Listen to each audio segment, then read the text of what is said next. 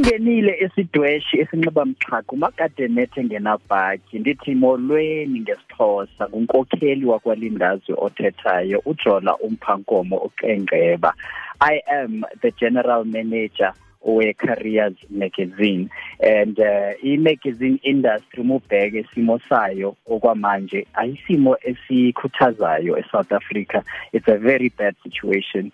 And uh, if you look at so many publications ezivalwayo over the past couple of weeks uh, besi besicabanga ukuthi this is a very challenging time for thina ama publication because uma ubheka kule kulomhlaba esihlala kuwo manje we have a situation yokuthi everything is specialized. So uma kwi-industry ethile for example i-journalist or i-writer eh abantu abaningi baya specialize okwamanje so you find ukuthi umuntu uyi-fashion writer okanye umuntu uyi-sports writer okanye umuntu uyi-business writer. So manje when you have a situation yokuthi ama-publication amaningi ayavalwa i-industry eh ye-journalism nani nani zithenda ukuthi zibe kwi-pressure eh nabantu abanganamsebenzi bako ku-pressure manje eh uma umuntu be-specializer uh, they have to now ukuthi a check amanye ama options and the challenge esiface kakhulu manje kwi kwi industry yethu yama publication but ke thina ku careers magazine uma ubheka islogan sethu sithi be brave. And uh, that's how we we intend to to move moving forward. Uh, we are very brave and bold.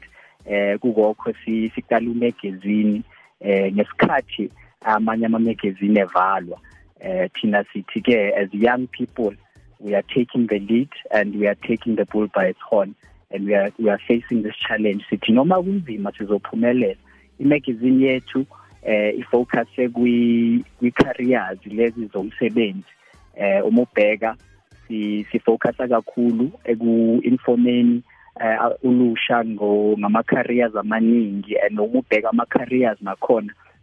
Eh sibhekile ukuthi uma ubheka information okanye ufuna information ngama careers la eMzansi Africa nala ku continent information ayikho kakhulu eh based kwi continent yethu no nomzini Africa so sathi asibhekeni uku empower ama reader wethu. Nge-information eh bubanzi eh ngama different careers. Eh uma ubheka abantu abacontributayo kuma career eh, careers magazine yethu abantu ubuningi babo bane experience eh ama industry leader eh and uh, abantu uh, abanye uh, obviously ama writer wethu internally.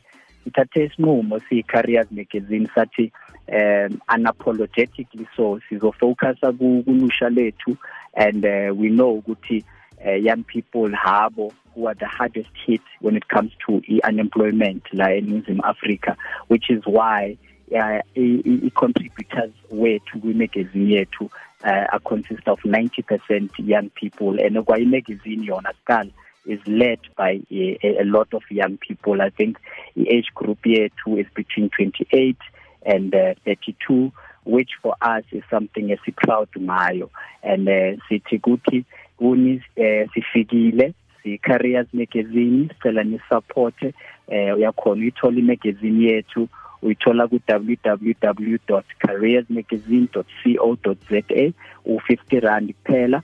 And then uh, uyakhona ukusithola nakuma social media wethu Facebook siu careers magazine and then uh, Instagram siu careers mag uh, Twitter siu careers_mag and then ungakhuluma nathi interact nathi ukusicheke and uma umuntu oyoung olaleleyo khona manje uh, I would encourage ukuthi ukuyibheka careers magazine.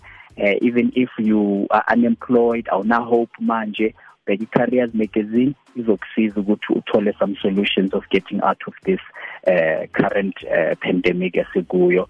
Ngibonge ngibonge kwi-Khosi FM for sinika lithuba. Eh mina ngegama sengishilo ngonkokheli wakwalindaze general manager ye careers magazine.